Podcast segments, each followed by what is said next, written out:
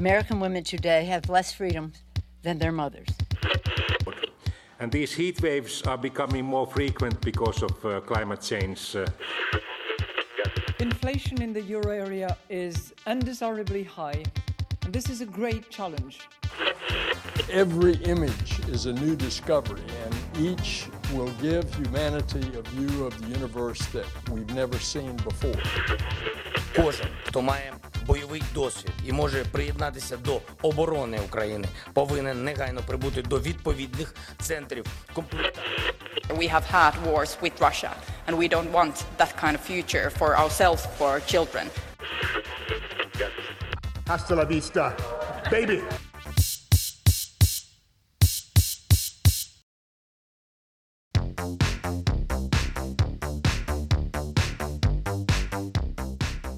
Þú ert að hlusta á heimskuður. Þáttunum það sem gerist ekki á Íslandi. Ég heiti Birta Bjóstóttir. Ég heiti Bjarni Pétur Jónsson. Þema þettir heimskviða halda áfram. Þetta er sá síðast í rauðinni bili og í dag ætlum við að dvelja í Afríku. Já, í síðasta þætti endaði yfirferð okkar í Nígeríu. Þá saði Jóhannes Ólafsson okkur frá málaferlum tæplega 14.000 Nígeríubúa sem hafa höfðað mál fyrir domstólum í London gegn ólíuresunum Shell fyrir gengdarlausa og áratögar langa ólíuvinnslu í landinu með tilherrandi mengunarslýsum og lekum. Við ætlum að hefja þennan þátt á sama stað í Nígeríu enda að nógu að taka í þessu lang fjölmennasta ríki Afríku. Það var kosið á lögadaginn fyrir viku, bæðið til þings en einnig til fósetta. Það ríkir ekki einróma sátt um niðurstöðun og kannski ekki við því að búast. Nei, reyndar ekki. Yfirlýstur sigurvegari Bóla Tinubu er úr sama flokki og fráfarandi fósetti og mörgum þykir það nú kannski ekki endur nýjunin sem kjósendur hafi kallað eftir. Tinubu er sjötugur en hann hefur verið lengi í stjórnmálum og slagur þanns í kostningabaratunum var Nú er komið að mér. Þetta átt að vera takk mikill að breytinga eða það er nú kannski óleglegt að af þeim verði. Og framkvæmt kostningana hefur umdelt, nýr tækjabúnaður virkaði ekki sem skildi svo þurfti að handtelja hluta atkvæða. Svo var ótrúlega lítil kjörsó, 29% og var reyndar ekki mjög miklu síðast þegar var gósið 2019 og 35%. Og þetta er bæði vegna þess að kjósendur núna áttu er auðvitað að komast á kjörstað og svo sífælt fleiri sem að hafa henni ekki trú á kerfinu sem er áhugju efni í þessu fjölmennalandi. Já, sannarlega og það er að nóga að taka þegar þessar kostningar er annars vegar og svo fór ég eiginlega flög þegar ég fór að kynna mér mannfjölda þróun bæði í Níkeri og Afriku allri og svona spári þeim efnum. Því til dæmis spáða árið 1970 taki Níkeria fram úr Kína í fjölda basfæðinga og árið 2100 verður Níkeria sömulegis þriðja fjölmennasta land heimsins á eftir Indlandi sem þá verður í fyrsta sæti og svo Kína. Svo Níkeria kemur okkur sannarlega við. Er þá nokkuð annað að gera en bara skell okkur til Níkeriu?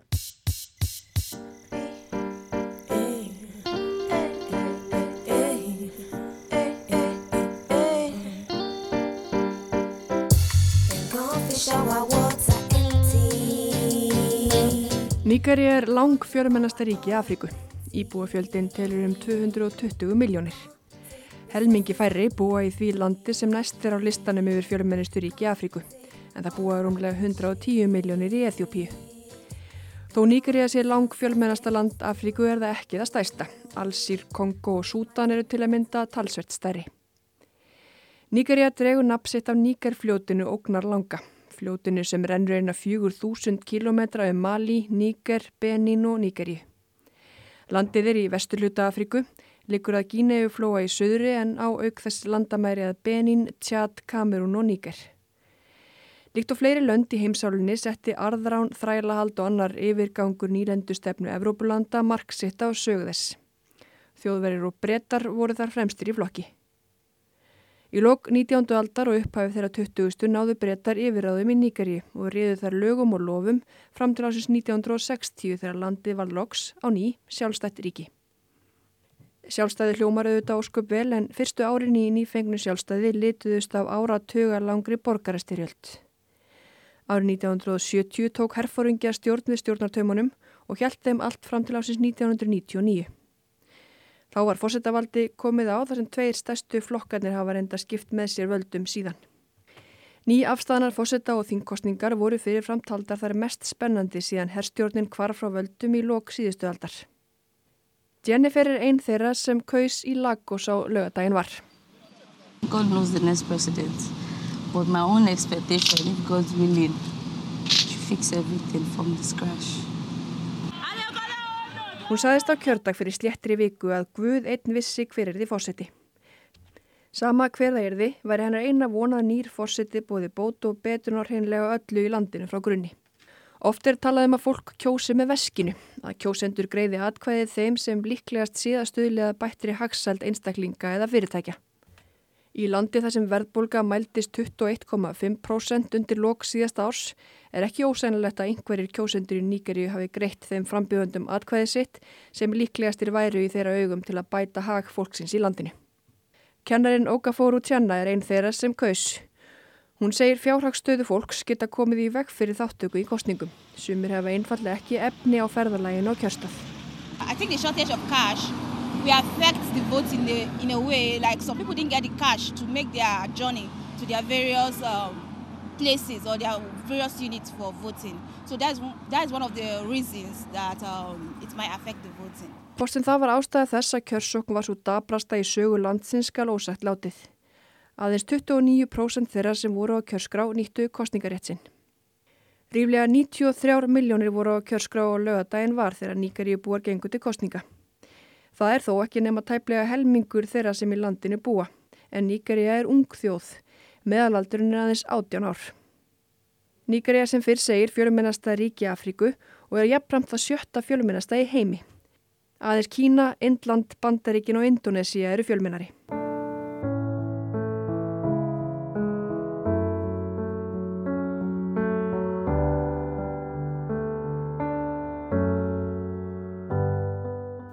Það er kannski ómögulegt að mæla eða hafa almenlega tilfinningu fyrir ímynd fólks og skoðunum á Afríku. Fyrir marga Evrópibúa er Afríka risastór heimsálfa langt í burtu. Fyrstu hugmyndir okkar margra um Afríku eru eflaust ásýnd hungraðar barna á söfnunabögum og sláhandi fréttamindir frá Eþjópíu og þar á undan frá Biafra.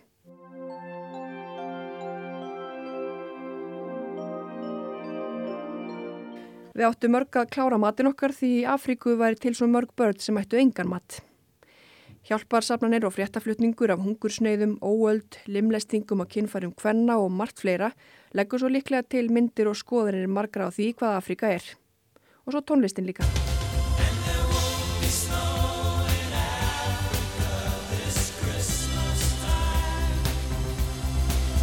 Það þarf þó aftur á móti ekkert að segja mörgum að Afrika er ekki eitthvað eitt og ekki eitthvað tvent er ekki endalus uppspretta hörmunga og bara byggða fólki sem við þurfum á ekkert nátt að aðstóða. Og löndin í Afríku og heimsálun öll þau kom okkur við. Og ef það er ekki nógu ástæði að fylgjast með því sem er að gerast í heimsálunni, þá má týna til nokkrar framtíðarspár sem spá fyrir um að íbúar Afríku verði umtalsvert miklu meiruluta jarðabúa á komandi árum og áratugum. Afrika er eina heimsálvan þar sem spáð er stöðugri og umtalsverði fólksfjölgun út öldina. Þar býr nú með 1,3 miljardar. Gangi mannfjöldarspár sérfróðra eftir verða íbúar Afriku 4,3 miljardar árið 2100. Þeim fjölgar sem sé um heila 3 miljardar á næstu 80 árum eða svo. Mun meira en í nokkuri annari heimsálfu. Til samanburðar má nefna að lang fjölumennasta heimsálfan, Asia, stendur nú í 4,6 miljardi. Þeim fjölgar áfram en ekki eins rætt og fer svo að fækka aftur. Árið 2100 verða íbúar Asju 4,7 miljardar og Afriku í 4,3 miljardar eins og áður var nefnt. Munun er því sára lítill með við ríflega 30 miljardar manna mun í dag.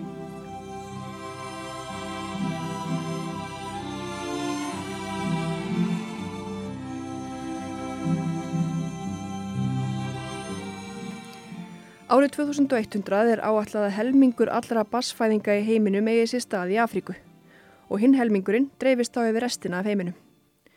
Hlutalli nú er lagra, þrjú af hverjum tíu börnum sem fæðast í heiminum í dag fæðast í Afríku. Framtíðaspárnir gera þannig ráð fyrir að Afríka og Asia skipti um sætið þarna því í dag fæðist um helmingur allra barna á jörðin í Asíu en þau verða þrjú af hverjum tíu í loka aldarinnar eins og nú er í Afríku. Og landið sem við erum mellu umfyllunar hér spila stort hlutverk í mannfjöldarspá. Talið er árið 2070 taki Nýgarja fram úr Kína í fjölda basfæðinga.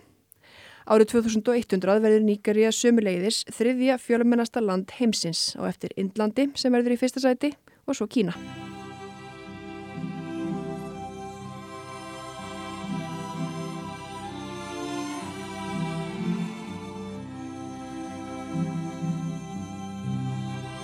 Nú er aðeins eitt land í Afríku, títnemt Níkari okkar, á topp tíu listanum yfir fjölmennistu ríki heims. Árið 2100 verður helmingur á topp tíu listanum ríki í Afríku. Af þeim sex löndum sem fólksfjölgun verður mest öldin á enda eru fimm í Afríku. Því er einnig spáð að fyrir Níkaríu liggi að verða stærsta hagkerfi Afríku og taki við því kepli af Suður Afríku í náinni framtíð. Og af hverju er ég hér að þylja upp einhverjar tölur um hvernig heimsmyndin verður eftir áratíi? Jú, það skiptur okkur máli hvernig heimurinn er settur saman og það skiptur okkur líka máli að þekkja sögu annara sem jörðina byggja með okkur.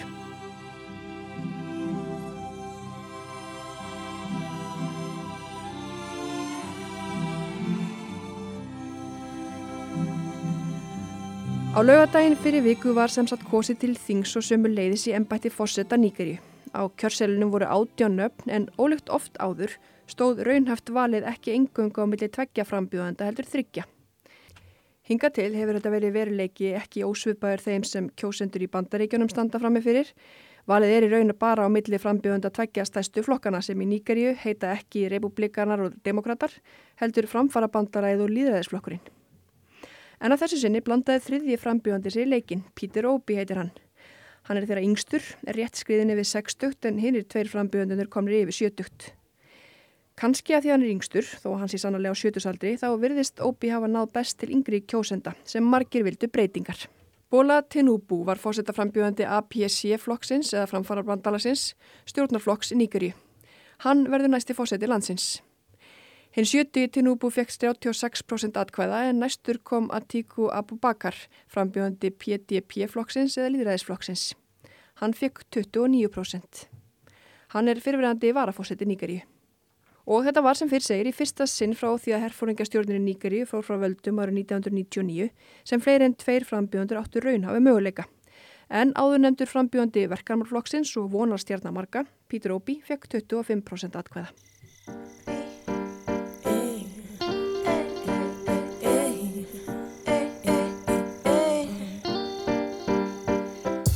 Þeir vildu sem sé allir taka við stjórnartaumanu af Mumaddu Buhari sem nú lætur á ennbætti fórsetta eftir átta ára á valdastóli. Himinn há verðbolga í landinu og óöld og árásir vopnara glæpahópa og saglösa borgara er nokkuð sem almenningi í Nýgeri hefur þótt vanta upp á almenlega viðbröð stjórnvalda við. Þó fráfarandi fórsetin Buhari segist hafa gert sitt allra besta til að uppræta óöldina sá fráfarandi fórsöndafrúin Aisa Buhari ástæðilega að byggja þjóð sína afsökunar í ávarfi á því hver illa hefði tekist í baróttu við ofbeldisvarga. Það væri oflant mála tíunda hér allar hróðalega ofbeldisklæpina og árásveitnar undanfarin ára og áratögi. Í fyrra létust fleiri en 50 þegar skotárás var gerð á miðri kvítasunum messu í kathólskri kirkju í suðvesturleita landsins. Í janúar síðaslinum var fjölda fólks rænt á lestarstöði Suðurluta landsins þegar vopnaði bissumenn ríðust inn á stöðina og særðu þar marga.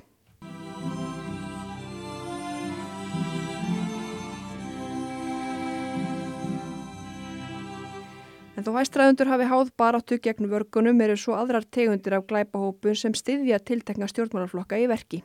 Mýmörg dæmi eru um að slíkir hópar hafi beitt ofbeldi og hótunum á kjörstöðum og á svæðum þar sem þeirra flokkur á kannskyndur högg að sækja eða þarf eitthvað aðstofi að tryggja sér atkvæði. Fyrir utan að hóta kjósendum hafa hóparnir sömu leiði stólið kjörkössum og þar með atkvæði.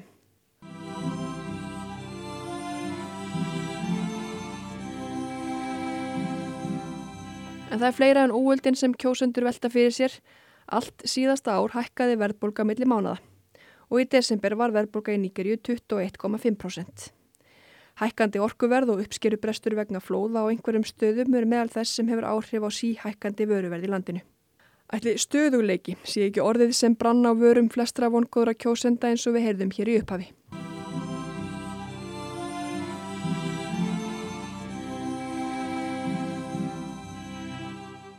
Til að vinna kostingarna þurfti meir hluta atkvæða á landsvísu og meira en fjórðung atkvæða í þið minsta tveimur af hverjum þremur ríkjum í landinu. Ríkin eða fylkin er alls 36 en voru bara þrjú þegar landið varð sjálfstættar 1960. Fjölgun fylkjana endur speiklaru margt átaka sögu nýgeri og þeirra fjölbreyttu hópa sem landi byggja. Það búa um 250 þjóðflokkar í nýgeri og íbúa landsins tala meira en 500 tungumál samtals. Ef engin frambjóðandi hefði náð áður nefndu markmiði hefði verið kosið á myndi tveggja atkvæða mestu frambjóðandana innan þryggja vikna. Það kom þó ekki til þess. Á mánudag var Bóla Tinubu útnefndur sigur vegar í kostningana.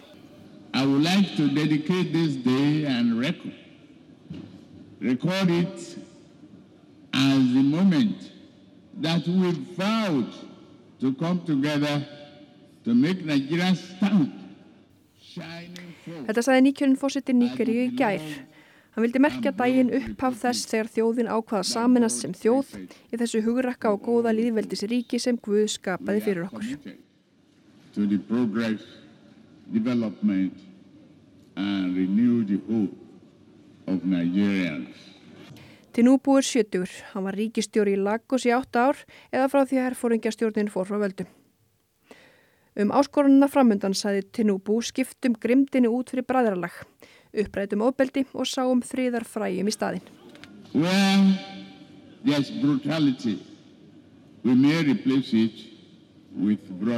Stjórnarandstæðingar og stuðnisfólk þeirra Abu Bakar og Obi gaggrina mjög framkvæmt kostningana. Þá eru sumu hópar ósáttur við að ekki hafi verið orðið við óskum þeirra um endurtalningu.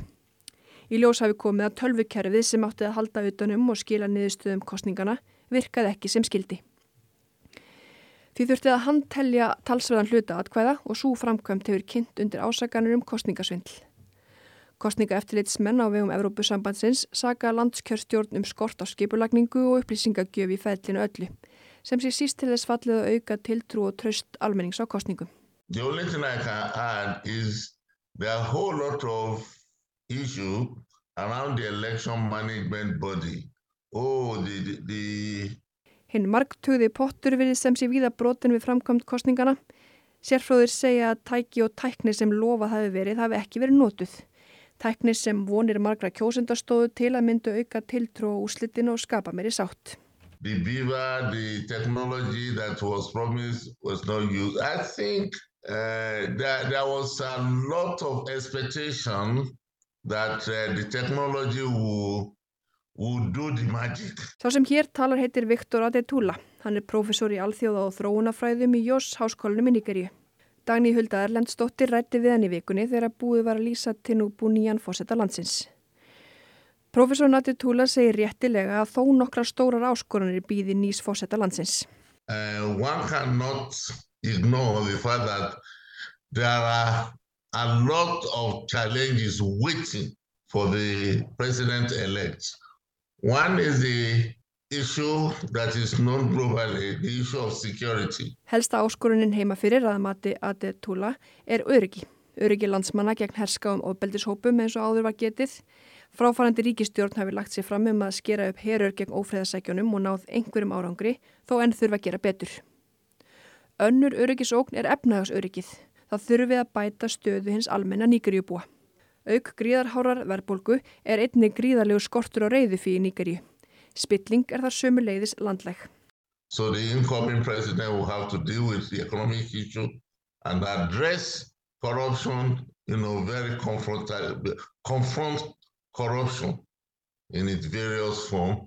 And uh, even within that also, the issue of uniting the country together because even before now, uh, the country has become more divided. Nýr fórseti þarf að taka efnagsmálinn föstum tökum og sumu leiðis berjast gegn spillingu sem á sér ímsar byrtingamindir í nýgarísku samfélagi, segir Atetula. Samlega því þurfa hann að freysta þess að samina þjóðina sem hafi á undanförnum árum orðið sífælt sunduleitari.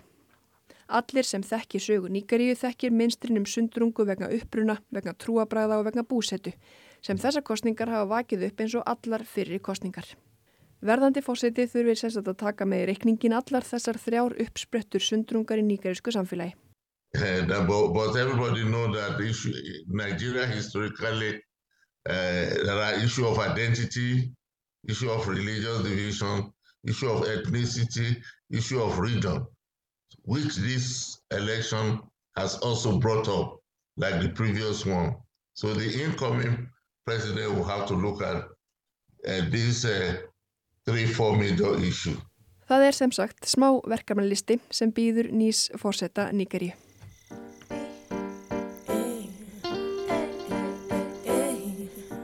Okkar verkefnalisti byrta er ekki jafnlangur en við ætlum að halda okkur í Afríku. Já, en þegar þú ert fórseti lands sem flest voldugustu ríki Vesturlanda hafa sett út á sakramentinu efnaðarslega, hvert leitar það þá með þín viðskipti? Vladimir Putin, Rúslandsfórseti, til að segja að fundi svarið.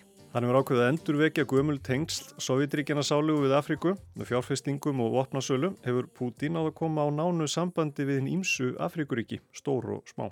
Og hvað er það sem hann sækist eftir sérstaklega? Hann vil fyrst og fremst styrkja böndin, hlutleysi í garð innrása rúsa í Ukræni er einna mest meðal Afríkuríkja, svona í samanbörði við aðra heimsluta og þar er jafnvel að finna ríki sem að styðja innrásina helsuar og það er nýr liðsmaður heimskviða, Ottur Þórðarsson, sem tekum við.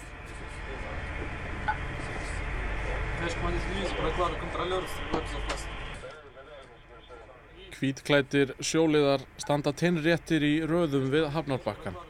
Stór herskip liggja við landfestar og vélar þeirra mala. Sólinn skín, vindur er hægur, það viðrar vel. Nú fer í hönd heræfing rúsa og kínverja. Rúsneski þjóðsöngurinn ómar í gegnum hátalaраkerfi.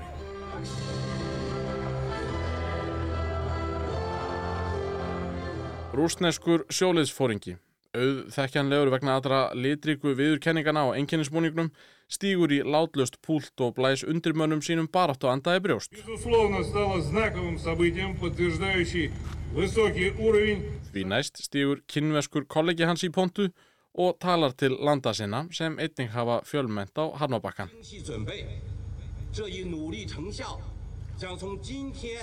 Allt þetta er kannski ekki saga til næsta bæjar. Eræfing kínverja og rúsa. Nefna hvað, við erum ekki stödd í Rúslandi eða Kína. Heldur erum við stödd í Söður Afríku.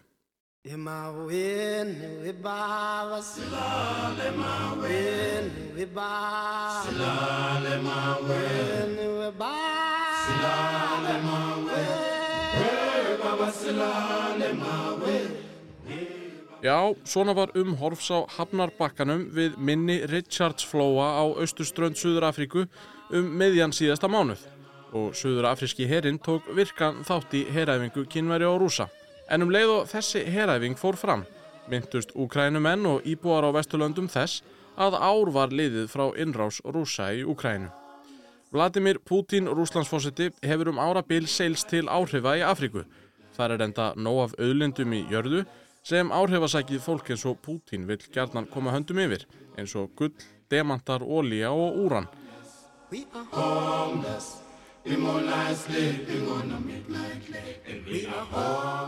Í Afríku má líka finna þjóðarleitóa sem sumir hverjir þurfa aðstóð við að kveða í kútin einhvers konar andóf eða uppreysnir í löndum sínum.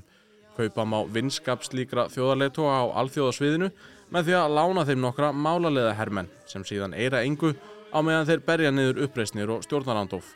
Wagner hópurinn rúsneski hefur verið stórtækur í ríkjum eins og Líbíu, Mali og miða Afrikulíðveldinu og haft áhrif á stjórnmála ástand og jafnvel framgang borgarastyrjalda.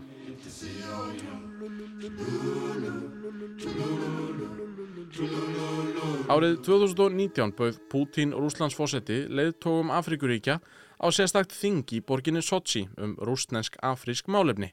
Russia Africa Economic Forum. 43 leðtóar mættu og rættu sína millu um viðskipti í Afríku og aðkomu Rúslands af þeim. Sovjetrikin sálugu voru enda dugleg við að liðsenna líðræði sinu um hreyfingum í Afríku þegar heimsálvan braust undan nýlendu og kefrupuríkja á áratugunum eftir setna stríð. Allar götur síðan hefur nokkuð samband haldist og til dæmis hafa leðtóar í Afríkuríkjum margir stundað nám í Rúslandi. Tala jafnvel rúsnesku og því gætir rúsneska áhrifa víða í efstu lögum afrískrar stjórnsýslu.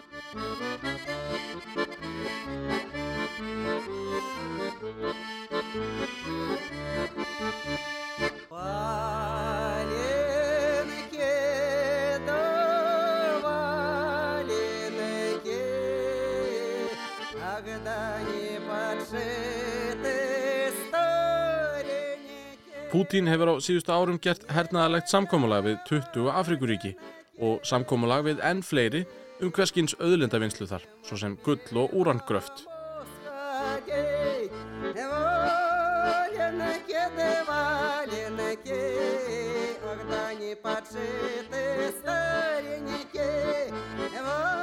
Og hver er afrakstur alls þessa? Já, fyrir fáinum dögum greiti allsherjarþing samanuð þjóðana atkvæði um áleiktun sem fordæmdi stríð rúsa í Ukrænu og krafðist þess að rússar dræju herlið sitt tilbaka. Sjö ríki greitu atkvæði gegn tilögunni og þaraf voru tvö Afrikuríki. Sergei Lavrov, utarikisráþara Rúslands, fór nýverið í ofnbæra heimsók til annars þeirra, Mali, þar sem rúsneskir málarleðar hafa staðið í ströngu. 32 ríki sátu svo hjá í atkvæðagreðslunni, en 15 þeirra voru Afrikuríki og 5 þeirra tóku nýlega á móti Lavrov í ofnbæri heimsók. En hvernig stendur á þessu bröldi rúsa í Afriku? Eftir hverju er Pútín á höttunum? Og hvað segir þetta um Vesturlund? Ég rætti málið við helsta álitskjafa Suður Afríska ríkisjónansins á sviði alþjóðamála. Ég heiti Stephen Grúst, ég vinn hjá Alþjóðamálastofnun Suður Afríku. Ég sé þar um Rúslands Afríkuverkefni en einni verkefni tengt stjórnsýslu og stjórnmálalegri ábyrði í Afríku. Á síðustu tveimu vikum eða svo hefur Stephen rætt málefni Afríku og Rúslands við Breska ríkisútarpið BBC, CNN, Reuters og nú heimskviður. Ég spurði hann út í heræfinguna úti fyrir ströndum heimalandsans. Ég held að Suður Afrika hafi gert þetta því landið vil halda til haga því hlutverki sem er til þessu gegna á allþjóðsviðinu, að það hafi sjálfstæða utareikistefnu, að það verði ekki neitt til að taka ekki þátt í svona æfingum. Og ég held líka að þetta sé árétting á eigin fullveldi. Eins og ég sagði áðan voru Sovjetríkin ötul við að koma á og síðan viðhalda miklum áhrifum í Afríku á tímum kaldastriðsins. Þessi áhrif fólust bæði í menningalegri innrætingu og fjárhagslegu hæði.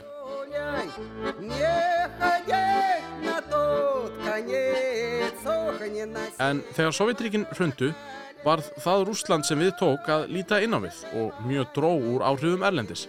Afrika fór ekki varhluta af þessu og mörg sendi ráð og sendi skrifstofur í Afriku lokuði eftir fall játtsjálsins.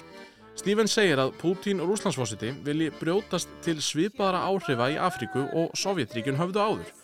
Hann segir að vendipunktur hafi orðið í þessari þróun árið 2008 með innrás rúsa í grannríkið Georgíu.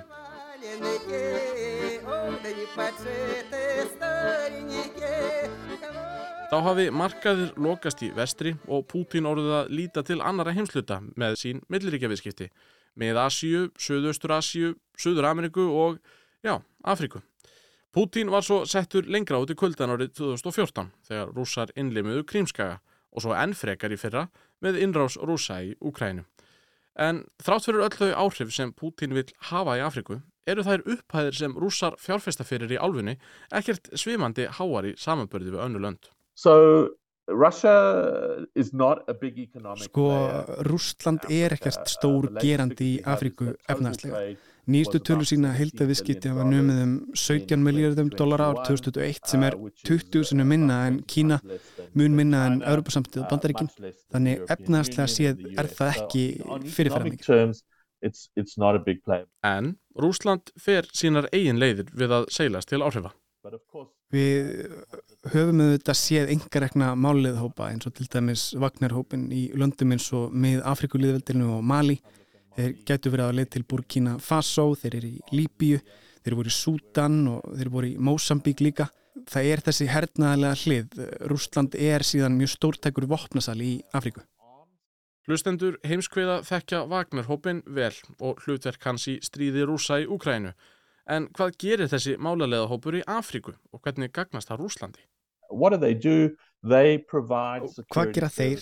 Þeir sinna öryggistjónustu fyrir stjórnvöld og hvað þýðir það? Það þýðir að þeir hjálpa stjórnvöldum Afrikuríkja að halda völdum, hafa afskipti að hriðjöfarkarstarfsemi og íslenskum uppreysnarhópum. Náður árangri? Uh, já og nei, þeim tók sannlega að sópa völdum til fórsetta með Afrikulífildisins en í löndum eins og Mali og Burkina Faso sem eru mjög óstöðu þar er mjög erfitt að ná yfirhundinni hernaðalega og þeir hafa verið harlega gaggrindir.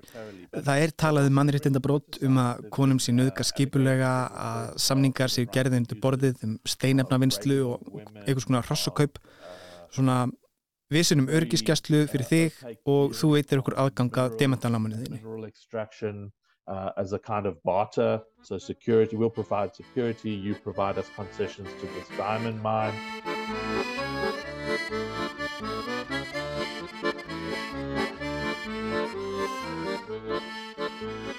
Þegar Sergei Lavrov, auðaríkisráþara Rúslands, fór á flakkum Afríku síðasta sumar og reynda að sannfara hinn og þessi ríki um að snúast á sveif með Rúslandi á alþjóðasviðinu, þá fekk hann gerðnan byrtar greinar í blöð í þeim löndum sem hann var rétt ókominn til. Þar reyndi Lavrov að höfða til Afrikubúa með því að segja rúsa vera and nýlenduríki, mótfallið hverskins Ameríkuvæðingu og því að brjóta annaramanna lönd undir sig sjálft. Lavrov talaði einningum mikilvægi þess að heimurinn yrði margpóla en ekki innpóla og duttlungum bandarækjamanna háður.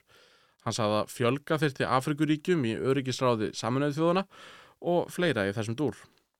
Ég held að þetta hafi hlotið hljómgrunn. Ég held að þetta hafi mætt á meðal leittóga Afrikuríkja ákveðnum skilningi og margt sem Rúsland reynir að koma til leiðar snertir ákveðna strengi í Afriku. Þetta fannst mér svolítið áhugavert. Vestrænir leitóar hafa undanferðin ár farið til Afríku og víða talað fyrir döfu meirum. Jafnvel á undanförnum mánuðum hefur málsmeitandi fólk úr bandarískum stjórnmálum farið til Afríku og reynda að viða að stuðningi við Úkrænu. Og utaríkisráð þeirra Úkrænu hefur sömulegis reynda sjálfur. En eins og ég fór yfir á þann, þá er stuðningur Afrikuríkja við Úkrænu á alþjóðasviðinu ansi slidróttur. Stíven segir að Afrikuríkjum þykji mörgum að hræstni enginni vesturlandaþjóður engum og sér í lagi bandreikin, sem sjálf hafa ráðist inn í Afganistan, Írak, Líbi og fleiri lönd og gaggrina nú Rúsland fyrir að gera það sama.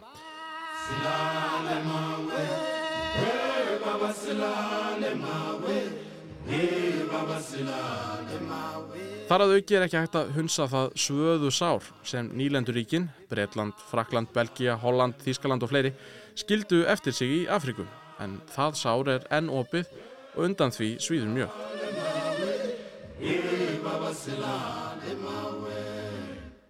Þrátt fyrir að stuðningur við málstað úkrænumanna sem í heilt ár hafa þurft að verjast innrás rúsa sé stópull þá er hann samt útbreytari meðal Afrikuríkja en stuðningur við rúsa.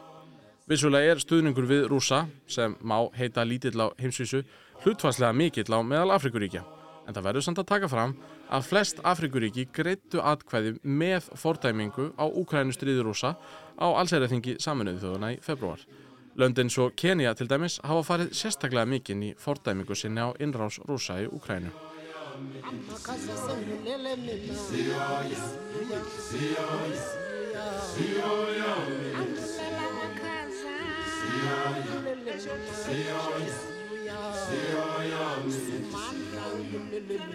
En áhrif rúsa í Afríku eru eitt. Áhrif Kína eru síðan annað.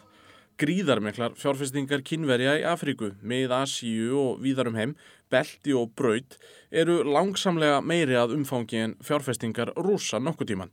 Með belti sínu og braut hafa kínverjar fjárfest fyrir ævintýralegar upphæðir í innviðum yfir 150 landa brúarsmíði, lagningu vega, hraðbrauta og lestarteina, uppbyggingu hafna, byggingu skíakljúfa, orkuvera og alþjóðflugvalla og svona með til lengi telja. Með belti og braut hafa kynverjar fjárfest fyrir að minnst okkarsti eina biljón dollara og aðtöið, hlustundu góður, að þá er átt við íslenska biljón eða þúsund miljardar dollara. Hér um byl 140 föld útgöld íslenska ríkisins á einu ári. Ég spurði Stíven, kannski ögn barnalega, hvort Afrika hallaðist enn í vesturátt eins og verið hefur frá lokum kaldastriðsins eða í austurátt. Já, yeah, China is a massive player. Uh, aligns a lot with Russia. Sko, Kína hefur gríða stort hlutverk, leggur lagsitt við rússa ákveðin leiti en er líka umhugað um að standa vörð um ríkjandi ástand. Það er bara svo erfitt að halda ykkur einu fram um alla Afriku. Þú ert með lönd sem eru kapitalíski hugsun, sem eru nær vesturveldunum í hugsun og líta hlutina sem er augum. En svo ertu með öfgar í hináttina. Þú ert með lönd sem stiðja rússa og kína og svo eru æði mörg sem falla þarna á milli. Og það er áhugavert að skoða hvernig þessi lönd hafa greitt atkvæðið síðust ár. En það væri hættulegt og beilinnis ránt að segja að Afrika hugsi svona eða hugsi hins eginn að því lönd greinir á og síðan greinir fólk á innan þeirra líka. Within countries there's disagreement and between countries there's disagreement.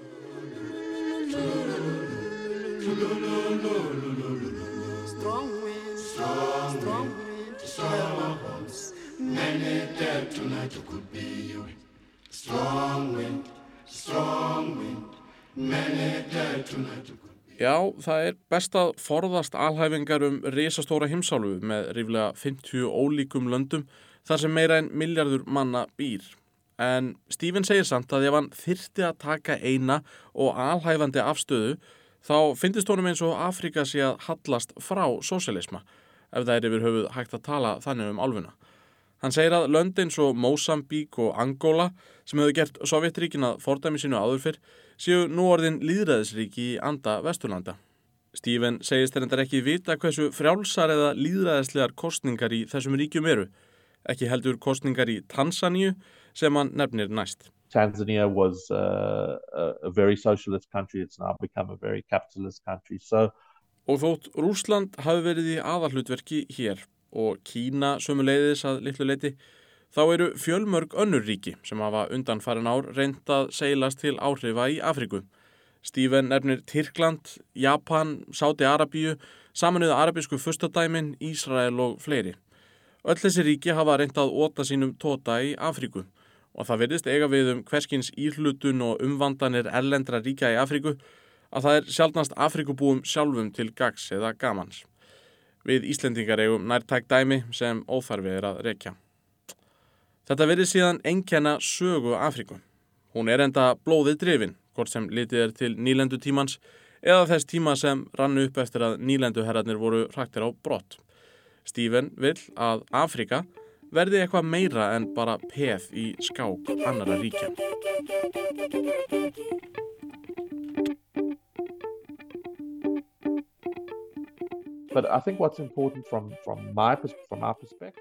En ég held að mikilvægast að frá okkar bæturum séð sé að Afrika verður að spila með. Ekki bara vera völlur sem aðrir spila, ekki bara vígvöllur nýs kalt stríðs. Hún verður að eiga sæti við borðið og koma sínum sjónamiðum með sannfærandi hætti á framfæri og skapa eins mikla einingu meðal 55 ólíkra ríkja á hættir en fólk er farið að tala um nýtt kallt stríð. Mín skoðun er svo að Afrika verði að ítrekka það umboð sem álvan hefur en ekki bara vera peð í skák ykkur að annara.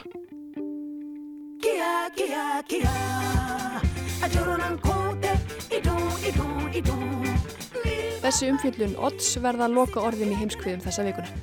Við verðum að sjálfsögðu hér á sama stað í næstu viku. Takk fyrir að hlusta.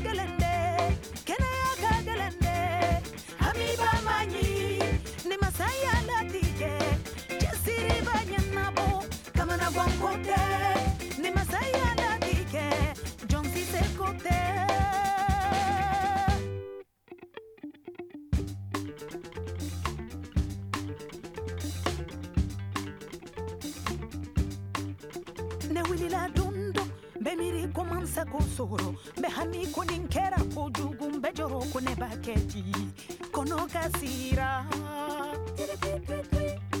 jɔrɔ kasira, ne kasira, kia kia kia.